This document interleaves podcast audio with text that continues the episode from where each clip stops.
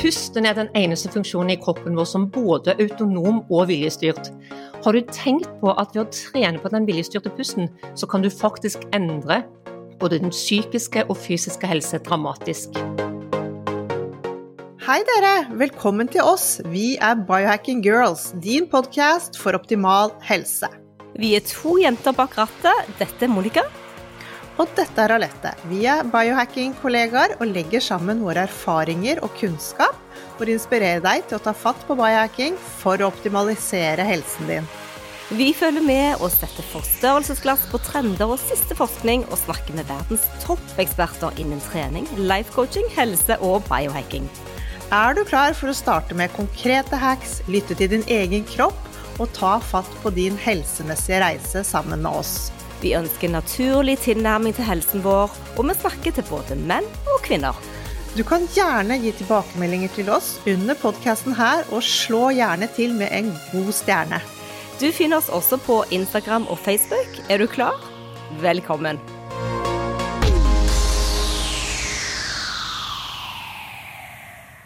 Ukens episode den handler om pust. Og jeg må si, jeg var litt usikker på om vi skulle greie å, å, snakke om pust lenge, for dette er jo noe vi helt intuitivt holder på med hele tiden.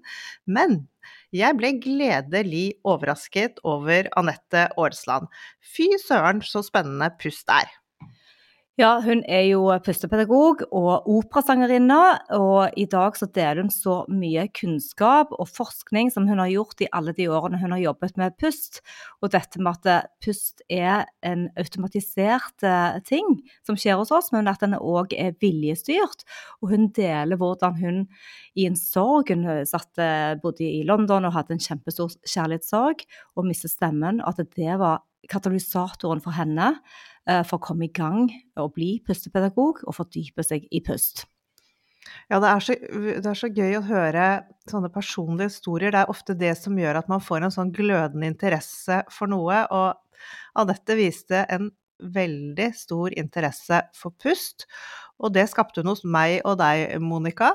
Eh, hun har også jobbet som miljøterapeut i psykiatrien i åtte år, og der lærte hun jo også å se både syke mennesker, og hun snakket om de som jobbet der, og hvordan dette med pust var bare helt ute. Og vi er innom både på humming og chanting og skrik og det å lage høye lyder, og hvordan dette påvirker pusten vår, og hvordan vagusnerven er knyttet til pusten. Hvordan man tenkte før, for vagus er jo noe som har kommet opp bare de siste ti årene. Så vi er innom litt forskning på de, de siste trender rundt det. Og det at vi puster hele tiden, at sentralnervesystemet vårt er, pusten er automatisk, men som òg kan la seg styre av oss. Og dette har jo, pusten har jo så mye sammenheng med både uro og angst. Og den har med fordøyelsen vår å gjøre, og ikke minst så snakker vi om hva den kan hjelpe til med når det gjelder sexlivet vårt. Og det som er litt overraskende, som vi òg eh, har tenkt en del på at eh, både yogalærere og pilatesinstruktører, det er mange av oss som ikke kan puste helt riktig likevel, og at man av og til blir litt for stram og får for lite mobilitet i diafragmamuskelen. Så, og det, ja, vi lærer masse av denne episoden, og vi er sikre på at du der hjemme òg vil få mange gode teknikker. Eh, hvordan du kan bruke pusten for å øke oksygennivået og gå ut av fight or flight og inn i rest og digest, for det er jo der vi har lyst til å være. Vi har lyst til å være i roen vår. Så vi kommer innom en del teknikker for å både unngå at diafragma blir stiv og umobil, og at den òg blir dynamisk. Og det var jo litt morsomt når hun forteller om hvor lang hun har blitt av dette. Ja, hun har rett og slett i en alder av 58 lagt, lagt på lengden sin med 3 centimeter. Ja, dette er jo bare noe vi kan drømme om. Så pusten har eh, store effekter både på psyken vår, på helsen vår, på en del autoimmune sykdommer, på skjelettet, på organene våre. Så, så, dette med pust og søvn, og vi skal snakke en del Vi snakker òg om eh, nesepust, og hvordan man kan bruke neseteipen riktig, og ikke minst alle helsefordelene nesepust har. Så følg med på episoden. Det bør dere gjøre. Her er det masse vi kan gjøre om med pusten vår. Så som sagt, det var en kjærlighetssorg som resulterte i et overflatisk pustemønster, og hun mistet stemmen. Og så kom hun i kontakt med en tidligere operasanger, og hun lærte riktig pusteteknikk. Og dette har hun tatt med seg videre i livet. Så velkommen til Biohacking Girls, din podkast for optimal helse. Hei, Anette. Så utrolig hyggelig å ha deg som gjest her i podkasten i dag. Vi er så glade for å ha deg her, og vi skal fordype oss i alt dette spennende rundt pust. Tusen takk for at jeg fikk komme på denne kjempefine podkasten. Det er virkelig en stor ære. Dette med pust, det er jo ditt fagfelt, eh, men vi må høre litt hvordan du startet din reise. For du måtte jo helt ned i kjelleren før du skjønte din vei, og nå har blitt en fagperson, og dette er 100 yrket ditt, dette med pusten. Kan du ikke gi oss eh, litt hvordan det startet? Jo, når jeg var 25 år, så bodde jeg i London. Jeg var superlykkelig, bodde sammen med min kjæreste. Vi hadde satt opp vår første opera sammen. Han dirigerte, og jeg sang hovedrollen. Og jeg måtte nesten klype meg i armen, for jeg var så lykkelig. Helt til jeg våknet en morgen av at han kikket meg inn i øynene, smilte og sa I didn't sleep all night because I was thinking of us. Og jeg tenkte å herregud, så romantisk, nå frir han. Nå er livet mitt bare staka ut, nå er bare lykken fullendt. Og så fortsetter han å smile og sier You have to leave immediately. Og da var det akkurat som jeg bare fløy ned i et sort hull, gjennom senga, gjennom gulvet. Og det neste jeg husker, var at jeg sto midt i en vei og tenkte Why isn't there a fucking car? Heldigvis var det ikke det. Men dette førte meg inn i to år der jeg grein hver eneste dag. Jeg sang og grein og sang og grein, og dagen etter en konsert i London så våkna jeg helt uten stemme. Da var jeg så langt nede i kjelleren som jeg ikke trodde det var mulig å komme. Og i dag så takker de høyere makter for akkurat dette.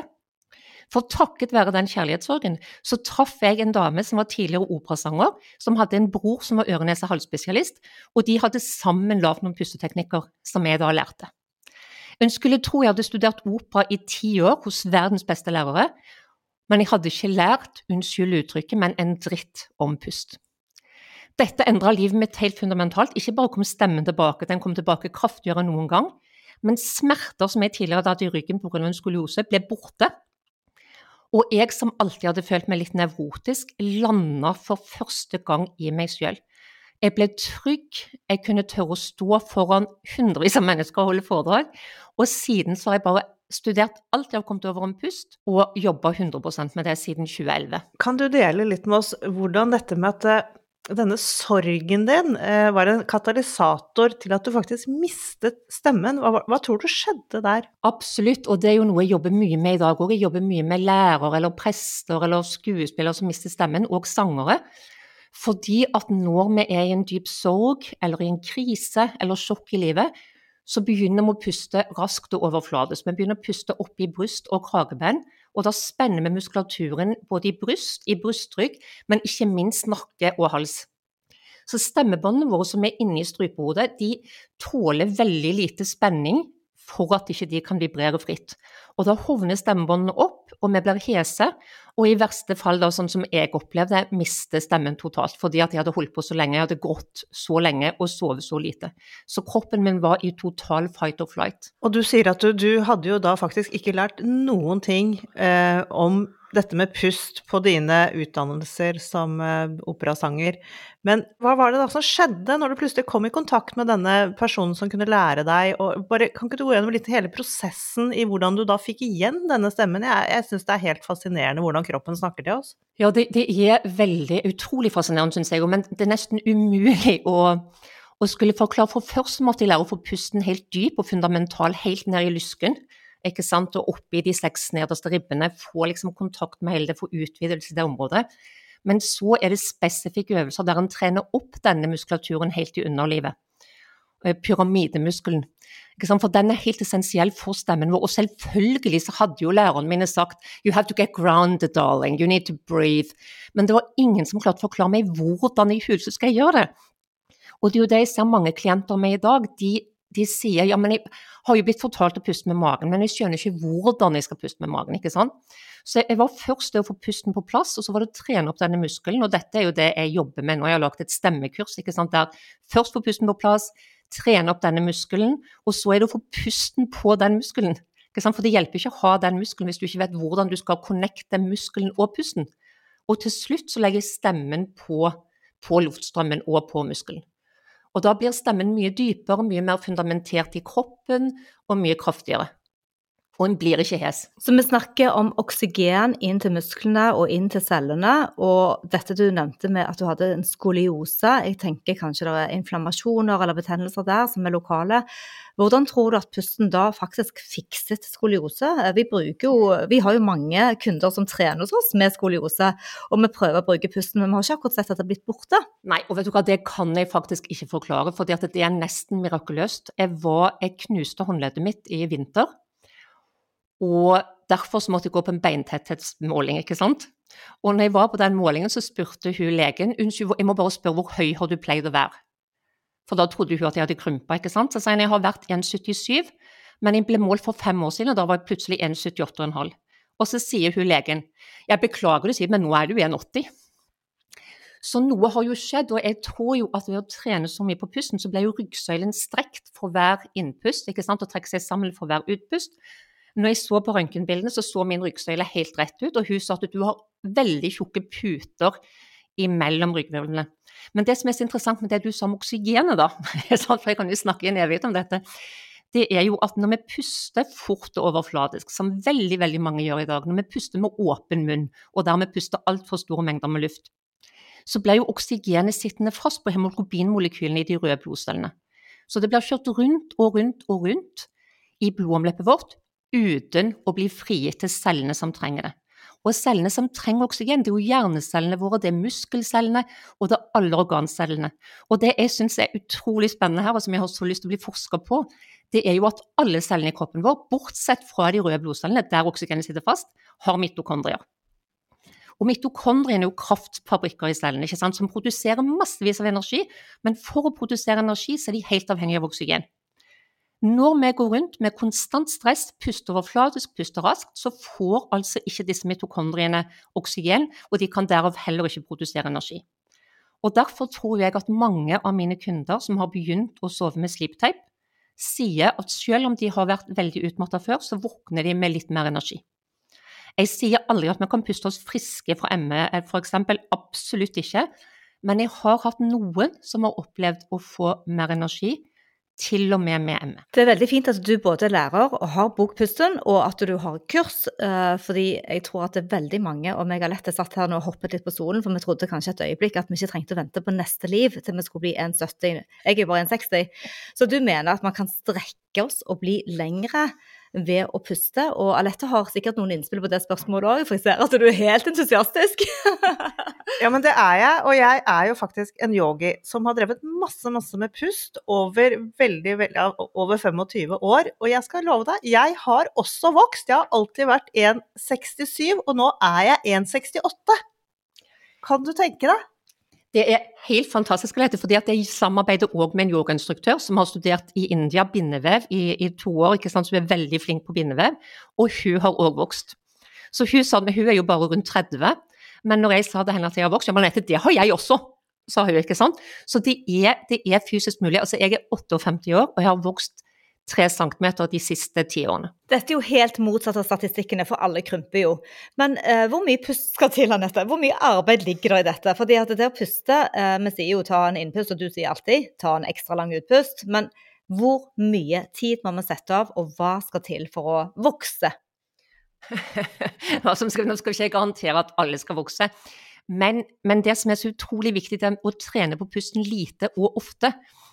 Fordi at det er påvist at enhver tanke, enhver stresstanke, enhver følelse vil endre pustemønsteret vårt. Så hvis jeg gjør yoga i en time, og så går jeg ut i mitt daglige liv, og så får jeg kanskje ti e-poster som stresser meg til døde, så vil pusten min bli overflatisk og rask.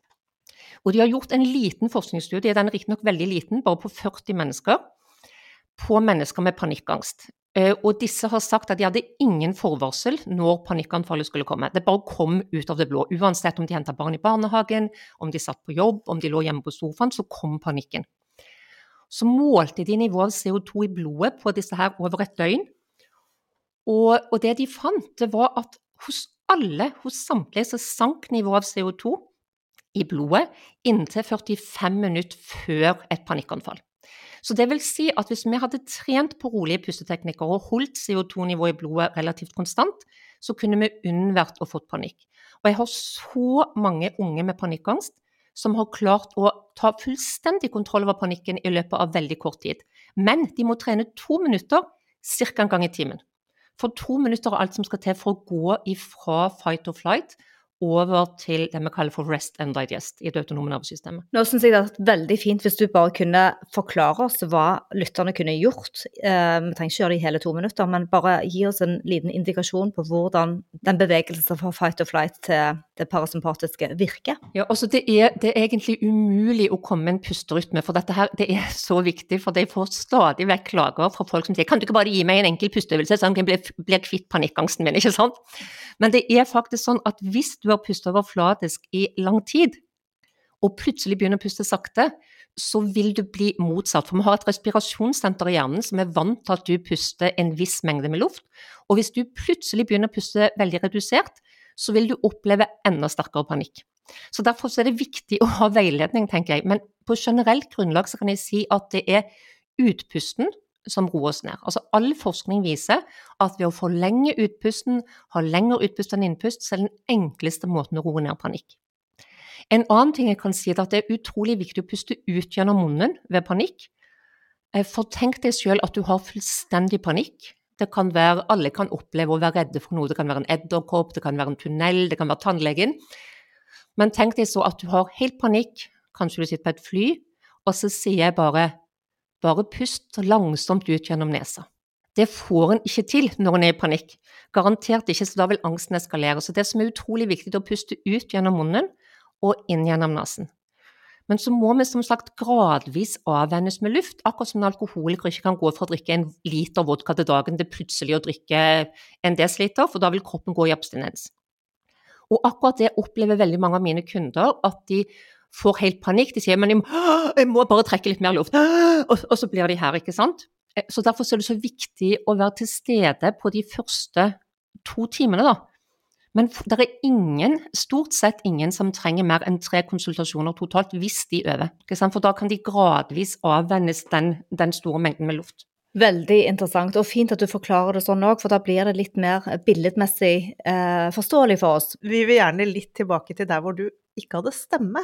For jeg regner med at du da var og besøkte sikkert noen leger i denne perioden, for du syntes vel det var ganske ubehagelig uten stemme. Og så lurer jeg på hva du fikk av råd? Var det noen som snakket med deg om pust på denne tiden? Det var absolutt ingen før jeg trakk, traff hun her tidligere, operasangen, og hennes bror som var øre-nese-hals-spesialist. Det folk sier tradisjonelt, det er jo hold kjeft, ikke hvisk, vær stille.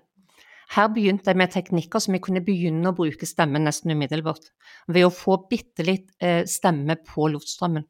Så det var øvelser som hørtes ut sånn som så dette. Det høres sikkert veldig rart ut på podden, men, men det, jeg gjorde noe sånn som Så jeg gikk rundt sånn i London, jeg husker jeg var hjemme hos ei venninne en gang, og så sier hun What is this? Is it a new sex game? så jeg hørtes litt, hørtes litt gal ut. jeg satt liksom på tuben i London, på toget i London, overalt med disse her lydene. Og jeg husker en av de som jeg delte hus med òg. Hun bare sa 'hysj, Anette'. du har òg jobbet i psykiatrien i åtte år, og kanskje mer. Eh, hvordan har du tatt denne pustekunnskapen med deg inn der i uh, møte med kunder og klienter der, da? Oh, det er veldig veldig spennende at du, at du, spør om, for det var jo ikke bare pasientene som jeg så puste overflatisk, det var jo òg de jeg jobba sammen med ikke sant, når vi var i tøffe situasjoner, og det var vi ofte. Det var jo selvmord, og det var tøffe, tøffe tak. Eh, men jeg husker spesielt ei jente som kutta seg sjøl veldig alvorlig. Hun var på legevakten i hvert fall annenhver dag, og jeg tenkte hvordan kan jeg hjelpe denne jenta her ved hjelp av pust eller stemme? For det er jo sånn at når folk driver med selvskading, som dessverre veldig mange unge gjør, enten de overspiser eh, og kaster opp, ikke spiser i det hele tatt, om de kutter seg, ikke sant, så er det jo fordi, tenker jeg, at de ikke får ut følelsen på en annen måte. Og det er så utrolig viktig å gå gjennom følelsen vår, ikke utenom. Så det jeg gjorde med hun her jenta, jeg tok henne med ned i bomberommet på sykehuset og lukte døra, for det var det ingen som hørte oss. Så sa jeg nå skal du skrike, sa jeg. Brøl, få ut all den dritten du har inni deg, sa jeg. Og jeg glemmer det aldri, for den nydelige unge jenta, hun sto og sa jeg tør ikke, Anette, jeg tør ikke, jeg tør ikke, Anette.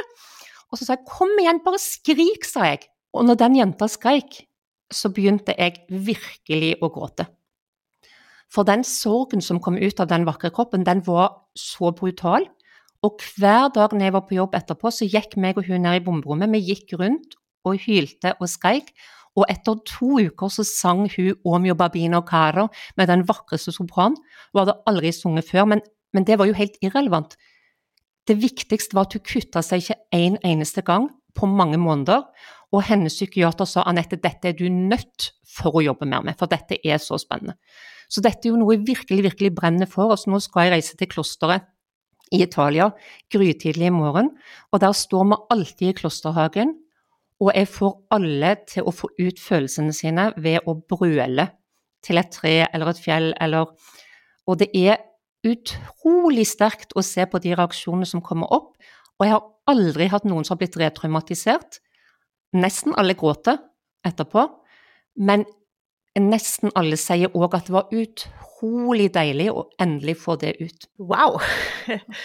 Det Én ting er skriking, eh, men nå kommer jeg tilbake igjen til min sånn yogaverden, hvor vi både hummer og chanter og lager veldig mye lyder. og bare mine lille erfaringer med det er jo at det er fantastisk uh, behagelig, og, det er veldig forløsende. Men vet du hva det er som skjer inni oss når vi lager disse lydene? Altså det jeg syns er utrolig fascinerende med chanting eller humming, eller nynning, da, som vi sier på norsk, det er jo at de har funnet ut at bare ved at vi puster med nesen, så blir det jo frigitt Eh, nitrogenmonoksid fra bilen. ikke sant? Og Det er jo en vasodilator som får blodårene våre til å utvide seg, blodet flyter lettere gjennom årene. Men i tillegg så er det en virus- og bakteriedreper. Så de brukte jo nitrogenmonoksid i nøyaktig samme form mot sars-viruset, som òg var et koronavirus. Nøyaktig samme form som blir frigitt i bihulene våre. Men når vi det er jo egentlig hamming da de har, de har forska på, så blir det frigitt Det er mulig å si feil tall, jeg tror det er 16 ganger mer nitrogenmonoksid fra bihulene enn når vi bare puster gjennom nesen. Og selvfølgelig når vi puster gjennom munnen, så blir det jo ikke frigitt i det hele tatt. Det er visst ørsmå mengder i lungen, men det er ingenting å snakke om i forhold til det som kommer fra bihulene. Ja, at, oksygen, at eh, bakteriene våre ikke liker oksygen, det er helt klart. Men hvis vi går litt videre til Vi skal komme inn på nesepust, for det gleder vi oss veldig til. Men hvis vi går litt innom vagusnerven og pust, Anette. Hva tenker du eh, den forbindelsen, hvorfor dette er bra for oss? For vi snakket jo om humming og sukking og og bruke stemmebåndet, som òg påvirker vagus. Altså, det, har, gjort forskjellige forskningsstudier på det med vagusnerven og pust.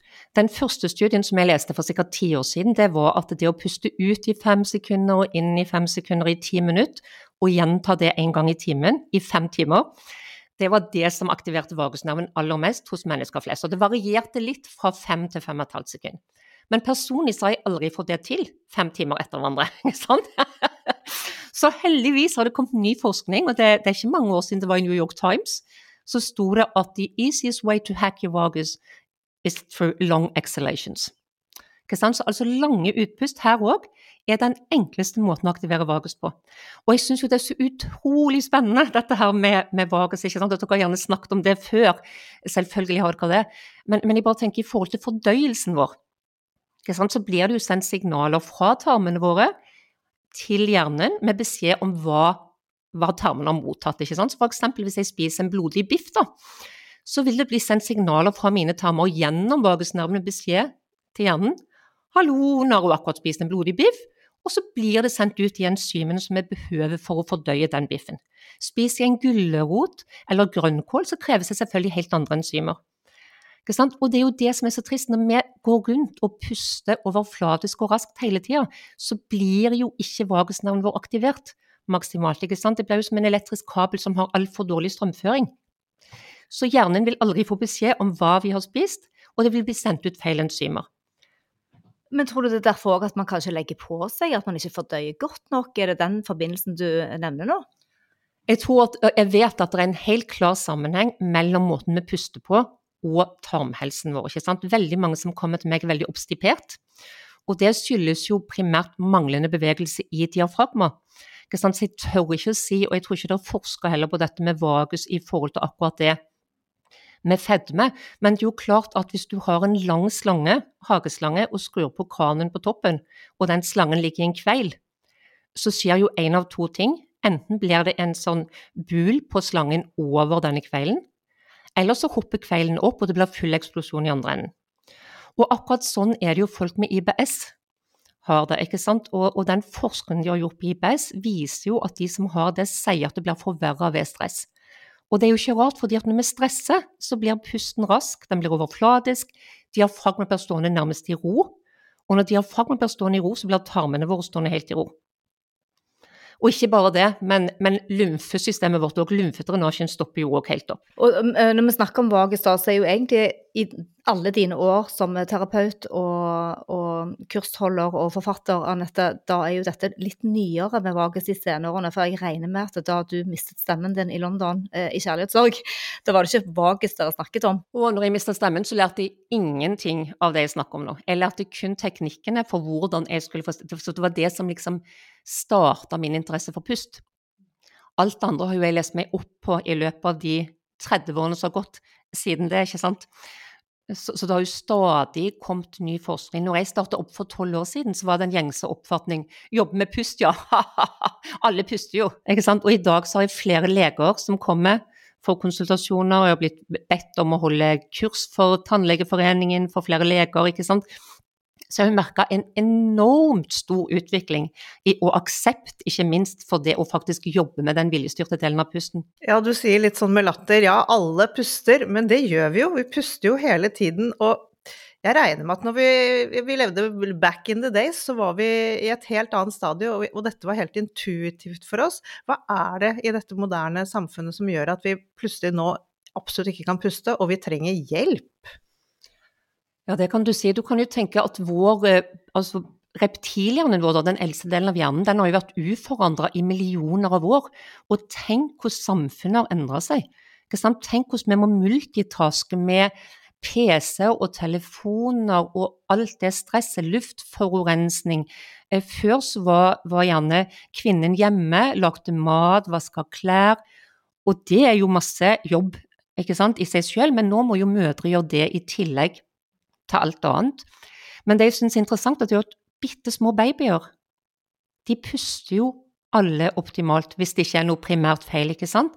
Men så ser du allerede, nå, jeg leste en rapport fra USA, 80% av alle fireåringer i USA puster utelukkende gjennom munnen. 80% og det er ganske alarmerende. Jeg har heldigvis nå akkurat utdanna en pusteveileder som er førskolelærer i bunn, som har lyst til å jobbe med dette i barnehager.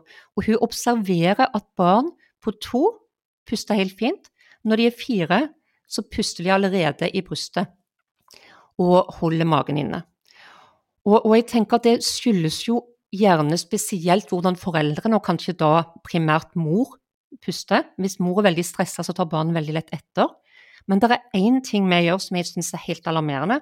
Det er at vi tar på sånne bitte små barn såkalte kule klær, altså jeans som strammer rundt livet, og forteller barna at her kan du ikke bevege, maven skal være flat, og da må de begynne å puste opp i brystet for å klare eh, å få en luft. Jeg vil bare høre med deg òg om eh, sentralnervesystemet, for det, da er jo det at pusten eh, Det er pusten som er automatisk her, men den òg, eh, som du sa, viljestyrt. Så egentlig så er det det eneste i kroppen eh, via sentralnervesystemet som kan både være automatisert og viljestyrt. Men når du liker å sove, så, så kan du ikke bare si til pusten at du kan ikke ha viljen med når du liker å sove, for da puster den jo helt uten vår innflytelse. Det er jo veldig interessant at du sier, Monica, fordi det, det er jo helt sant. At når vi, når vi sover, så er det jo den autonome pusten som selvfølgelig tar over, og det skal han gjøre. Eh, det er to ting her, tenker jeg. Det ene er at når du øver på den viljestyrte pusten og trener diafragma, så er det jo sånn at jo sterkere eller mer fleksibel diafragma blir, for diafragma som muskel blir ikke tykkere som en biceps eller triceps, ikke sant? men den blir mer fleksibel. Og jo mer fleksibel diafragma blir, jo langsommere blir den autonome pusten. Så det vil si at jo mer du trener på den viljestyrte pusten i løpet av dagen, jo roligere vil du puste når du sover. Men dessverre så er det jo veldig, veldig mange som sover med åpen munn. Og da puster de altfor store mengder luft mens de sover. De våkner kanskje tørre i munnen, må drikke masse i løpet av natta, og våkner uopplagt med litt energi, som jeg var litt inne på tidligere. Og Derfor har jo jeg teipa igjen munnen min nå i mange mange år hver natt. fordi at jeg har vært en munnpuster i min oppvekst. Og dette er jo kjempespennende i forhold til dannelse av munnhule, tannstilling, ikke sant. Det viser jo at munnhulene våre blir mindre og mindre de siste åra. Eh, og det er ganske alarmerende, det òg. Vi må trekke visdomstennene, vi har ikke plass til visdomstennene lenger. Før i tida så hadde de alltid det. Og du kan se på eskimoer som gir barna sine kjøtt, ikke sant, sånn tørka reinsdyrkjøtt, som de må tygge de får jo en mye mer utvikla kjeve og mye større munnhule, plass til alle tennene sine, slipper tannregulering, mens vi gir babyene våre og småbarna våre bare myk, prosjisert, kanskje ultraprosjisert mat. Masse av denne babymaten er jo ultraprosjisert, som dere helt sikkert har, har vært inne på, og det er jo super, super skremmende. Så jeg tenker, gi dem i hvert fall en gulrot som de kan tygge, da. Et eller annet som hardt, ikke sant. Ja, jeg tror veldig mye ligger i det med, med kosten, at, vi, at det er så mange som puster bare med munnen. Men i og med at vi nå er inne på både nese og, og, og munnpuss, la oss, la oss, starte med Du har helt selvfølgelig lest boken 'Brett' med James Nestor, og den altså Jeg leste den for tre år siden og bare aha! Når den, den første delen der hvor de teiper igjen eh, nesen og bare puste med munnen, hvor syke de blir. Kan ikke du fortelle litt hvor ille det er å bare være en munnpuster? Nei, det, det, er rett og slett helt forferdelig. fordi For det første så blir jo kroppen sur istedenfor basisk. og vi er jo nødt for, Det er nødt for å være syre til stede for at det skal bli inflammasjoner eller betennelser sant, i, i kroppen. Så det er jo det første. For det andre så snører blodårene seg sammen. Så blodomløpet går jo nesten ikke gjennom blodårene våre. Blodtrykket stiger som er veldig usunt for, for, hjertet vårt. ikke sant? Vi får ikke blod ut til fingre og tær, vi får iskalde hender og føtter. I tillegg så blir vi jo supernevrotiske og nervøse, og kanskje får angst, fordi at vi får jo ikke oksygen til hjernen. Og jeg kunne sagt, det er tusen ting. Vi får masse, masse muskelspenninger og smerter. Både fordi at vi puster overfladisk og spenner bryst og nakke og skuldre, eh, får spenningshodepine, vondt i kjeven, vi sover dårligere. Hvor, hvor, skal jeg, hvor, skal jeg, stoppe, liksom? Det, er, det, det går utover hele, hele helsen vår. Fysikken vår, både psyken og fysikken går utover. Men dette med snorking òg er jo veldig viktig, for det er jo mange som har en partner som snorker, og det har vært store endringer når de har begynt med neseteip. Det lurer jeg på. Og en annen ting er at jeg sover alltid med munnen igjen, så jeg er en naturlig nesepuster. Hvorfor er noen sånn? Ja, det, det, det, er vanskelig å si. Jeg tror ikke det er forska på hvorfor noen er nesepustere, hvorfor noen er munnpustere, men, eller det er i hvert fall ikke som jeg vet om. Eh, men jeg vet at kjeveleddet blir ferdig sementert når vi er syv år. Så etter at vi er syv år, så kan vi ikke endre selve kjevestrukturen. Så jeg var en munnpuster som barn, og derfor har jeg fått et langt, smalt ansikt med en skeiv kjeve. Ikke sant? Så det er veldig viktig å få barn altså Indianerne lukka munnen på sine spedbarn når de puster med åpen munn. Så det er jo en gammel, gammel kunnskap, dette. At det er gammel visdom som vi, må ta, som vi må virkelig ta på alvor. Veldig, veldig mange som snorker, slutter å snorke når de teiper igjen munnen men ikke alle. Jeg klarer å snorke selv om jeg bruker teip. så det må jeg bare si. Men de aller fleste slutter å snorke eh, når de begynner med teip. Og så er det jo en annen ting, og det er jo søvnapne. Veldig mange med søvnapne. Jeg hadde én kunde. Hun hadde aldri, det hadde aldri vært målt så mange pustestopp på sykehuset der hun hadde vært, som på henne. Og så kom hun til meg og lærte teknikkene først, og så teipa hun igjen munnen. Og når hun kom på måling neste gang, så hadde hun null pustestopp. Hun kunne stoppe med å bruke denne CPAP-maskinen.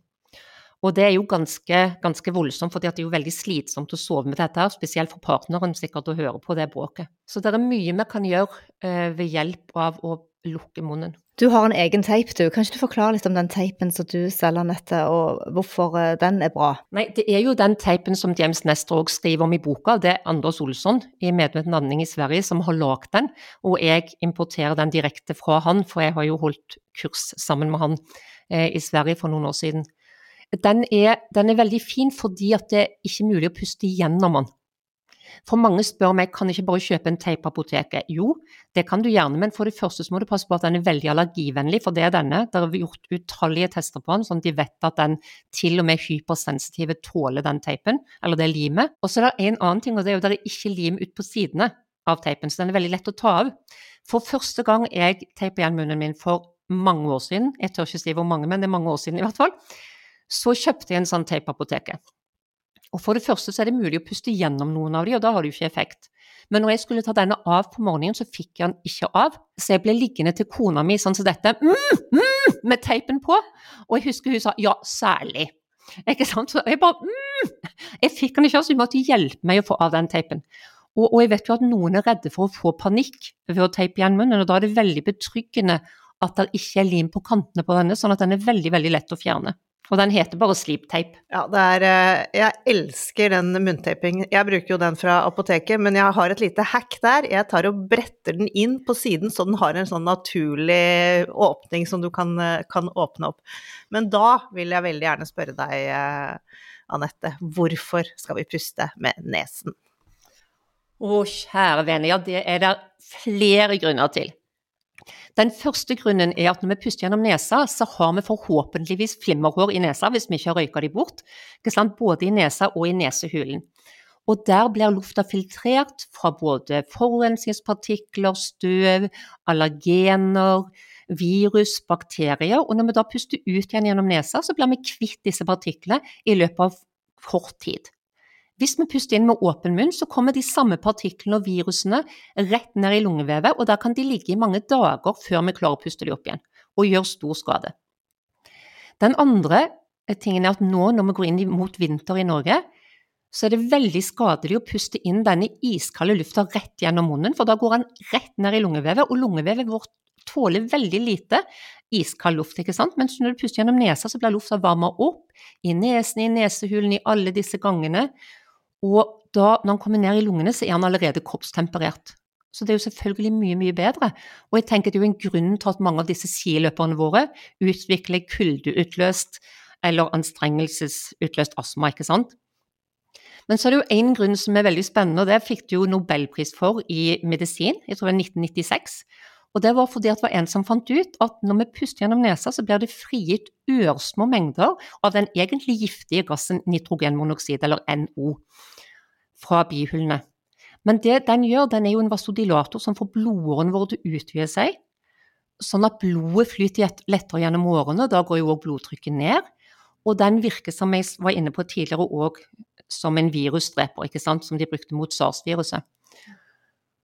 Og så, ikke minst, når vi puster gjennom nesa, så puster vi mye, mye mindre mengder med luft, så vi unngår denne skadelige hyperventileringen.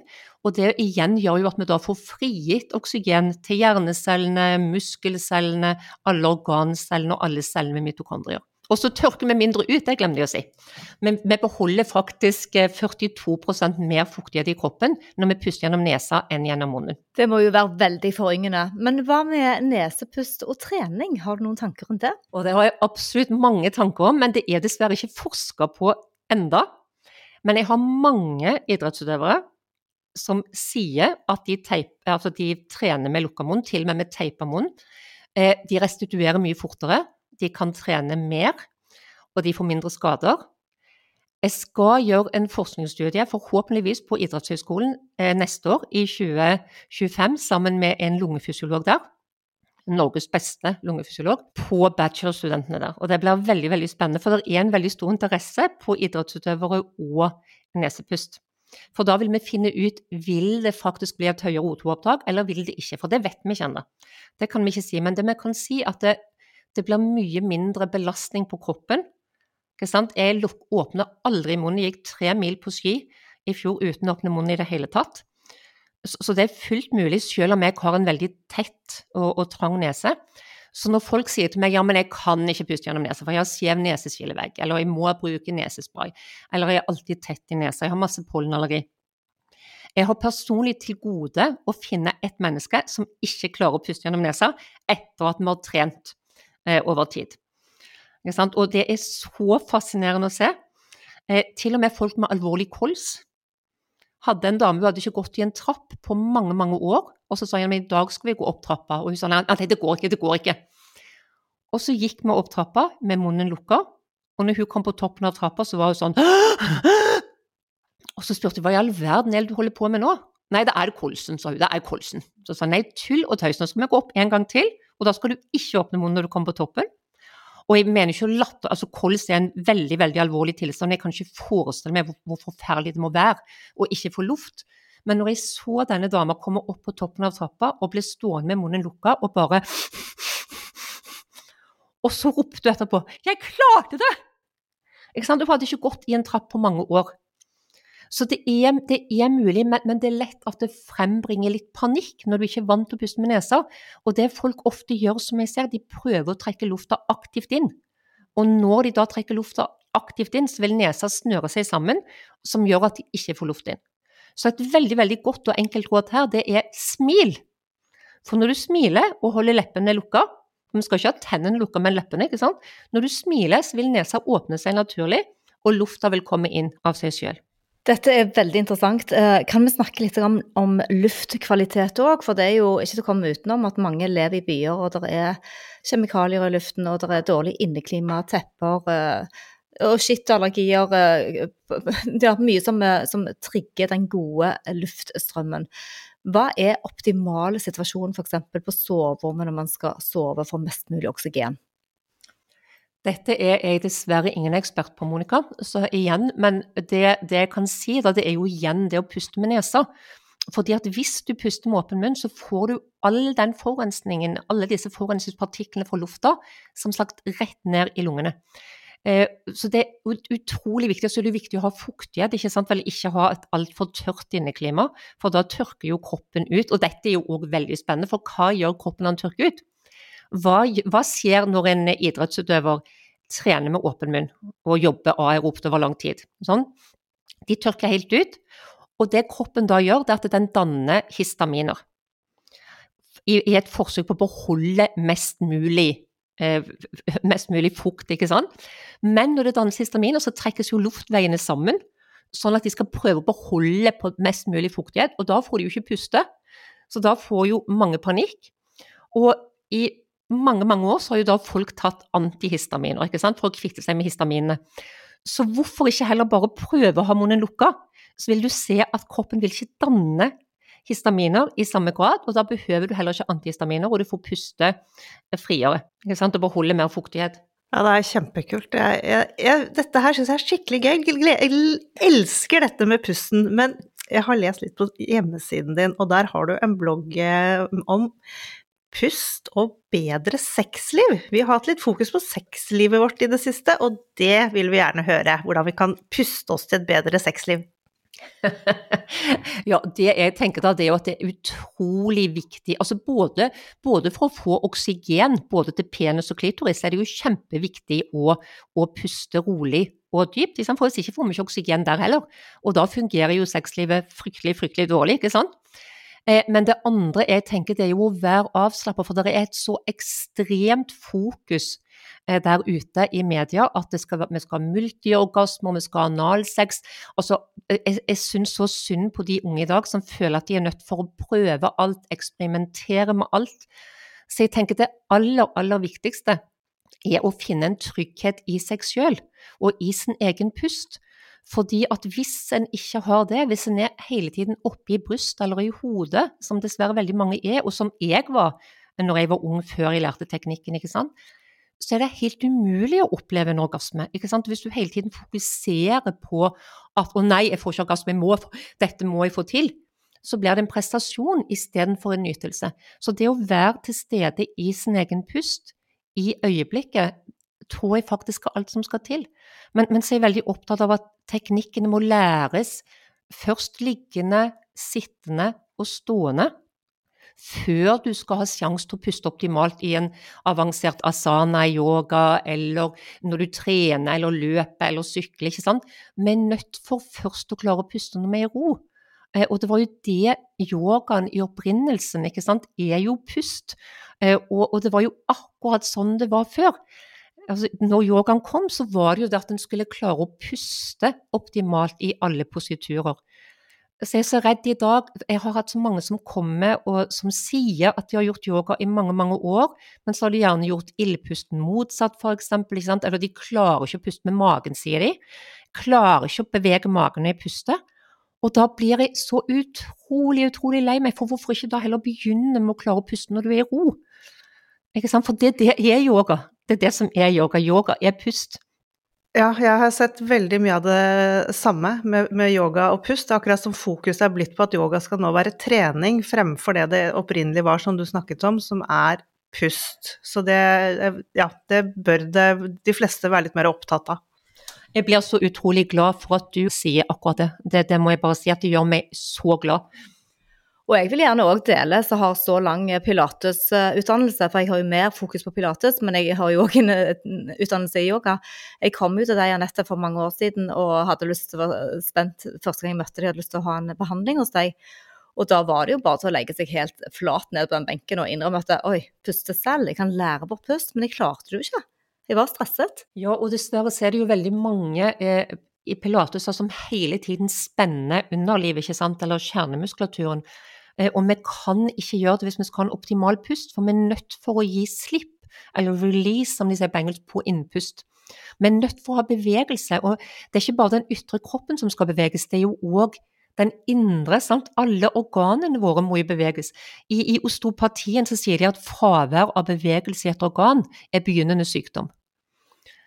Og når vi puster dypt, så blir jo alle organene beveget. Og, og, det foregår jo nå forskning på Karolinska i Sverige på dette med lymfesystemet, med lipydemer og lymfydemer, ikke sant. Og det de har funnet ut, er at vi har en liten sisterne som heter sisterne kylia, som ligger noen centimeter under diafragma, midt under solar plexus. Litt varierende hvor den ligger fra person til person. Men der går omtrent all lymfevæske fra beina våre, fra lever og fra tarmer igjennom og, og blir rensa. Og det kvinner gjerne har gjort, da, for dette sier jo oftest kvinner i graviditet, pubertet eller menopause, ikke sant. Det de har gjort, er å trene knallhardt. Og når de da trener knallhardt, så blir det enda mer møkkete lymfevæske rundt lymfene, sånn at de hovner enda mer opp i disse lipidemene og lymfedemene. Så det de har funnet ut nå, det er at det som skjer når vi puster dypt, det er at diafragma treffer denne cisterna kylia, som gjør at lymfedrenasjen kommer i gang. Jeg, sier bare at diafragma er min absolutt, absolutt favorittmuskel i kroppen. Jeg sier den viktigste i kroppen, selv om jeg vet at hjertet er ganske viktig. Dette er veldig interessant at du snakker om, for vi driver jo med denne minitrampolinen. Og vi vet òg at eh, væsken går jo da fra de store til de små kapillærene, eller helt ned til de små kapillærene, og påvirker lymfesystemet, sånn at væsken faktisk beveger seg. For der er det jo ingen aktivitet sånn som i blodgjennomstrømningen. Så det har jo helsegevinst. Og jeg, jeg, kjenner, jeg kan jo kjenne den energien man får etterpå når man har trent litt på trampoline, fordi at lymfen er aktivert. Og det er jo da oksygenet som du snakker om. Ja, Det er kjempespennende. Det du sa nå, det visste jeg ikke med disse her små trampolinene. Jeg har jo sett dere har lagt ut i videoen noen så trampoliner, og jeg må innrømme jeg fikk veldig lyst til å kjøpe en sjøl. For det ser, det ser kjempegøy og kjempe, eh, kjempespennende ut. Det er jo NASA som har forsket på det, eh, fordi at eh, astronautene er oppe i, uten tyngdekraft oppe i verdensrommet. Så de må finne måter å mm, redusere skaden på muskler og på benmasse. Så derfor vil den trampolinen da aktivere lymfevæsken til til å, gjøre jobben sin, sånn at du får bevegelse der. Så det er akkurat samme prinsippet. Så det må du prøve. Du skal få hoppe litt på trampolinen når vi er ferdige her, Anette. Juhu, gleder meg allerede.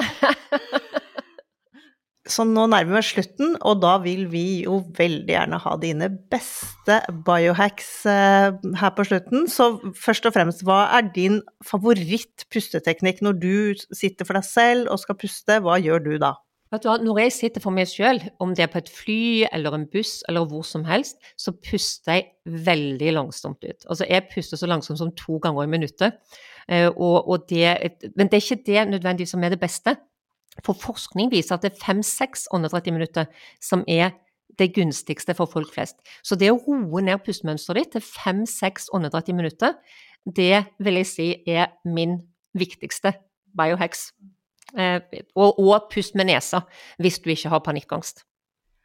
Er det noen spesielle tilskudd du tenker er viktig for den totale helsen med oksygen og pust? Der er nok dere mye flinkere enn meg. Det er fordi at jeg jobber Altså, jeg er veldig nerd på pust, så det pust jeg kan.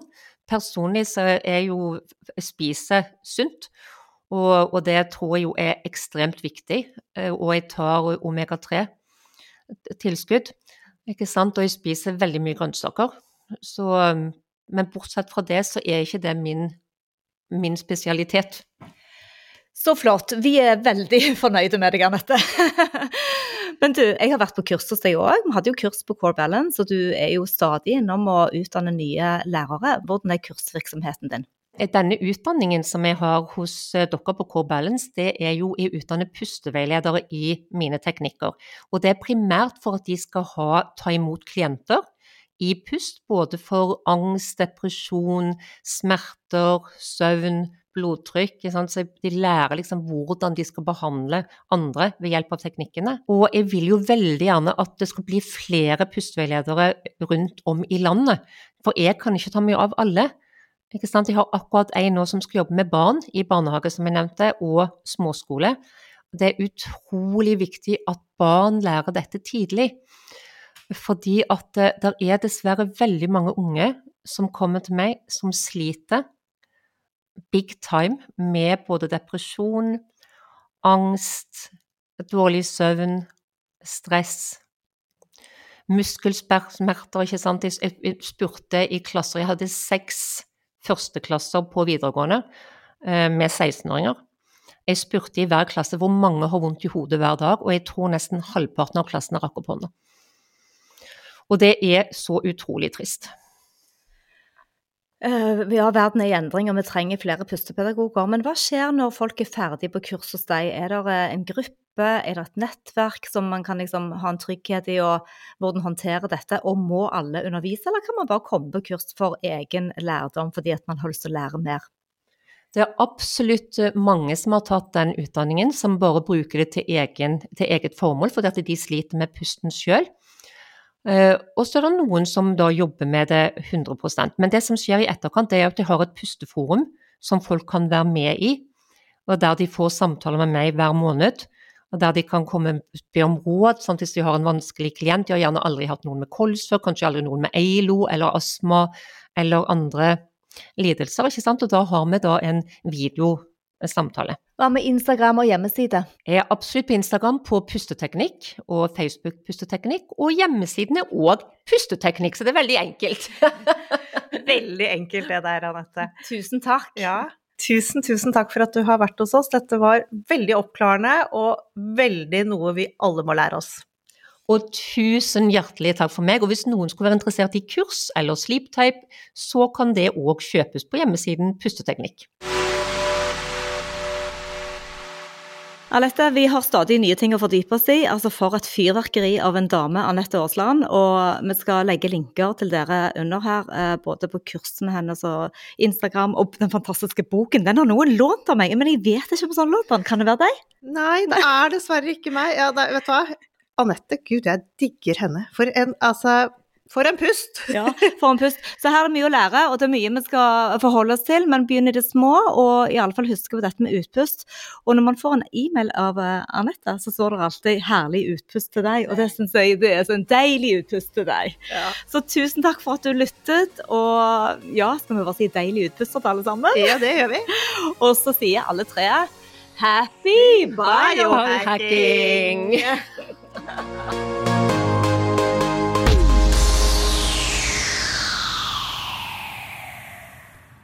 Vi minner om at dere må snakke med egen lege eller kostholdsveileder om dietter og andre spørsmål relatert til medisiner og supplementer. Informasjon vi deler kan ikke bli brukt til å diagnostisere, behandle, forebygge eller kurere noen sykdommer eller tilstander.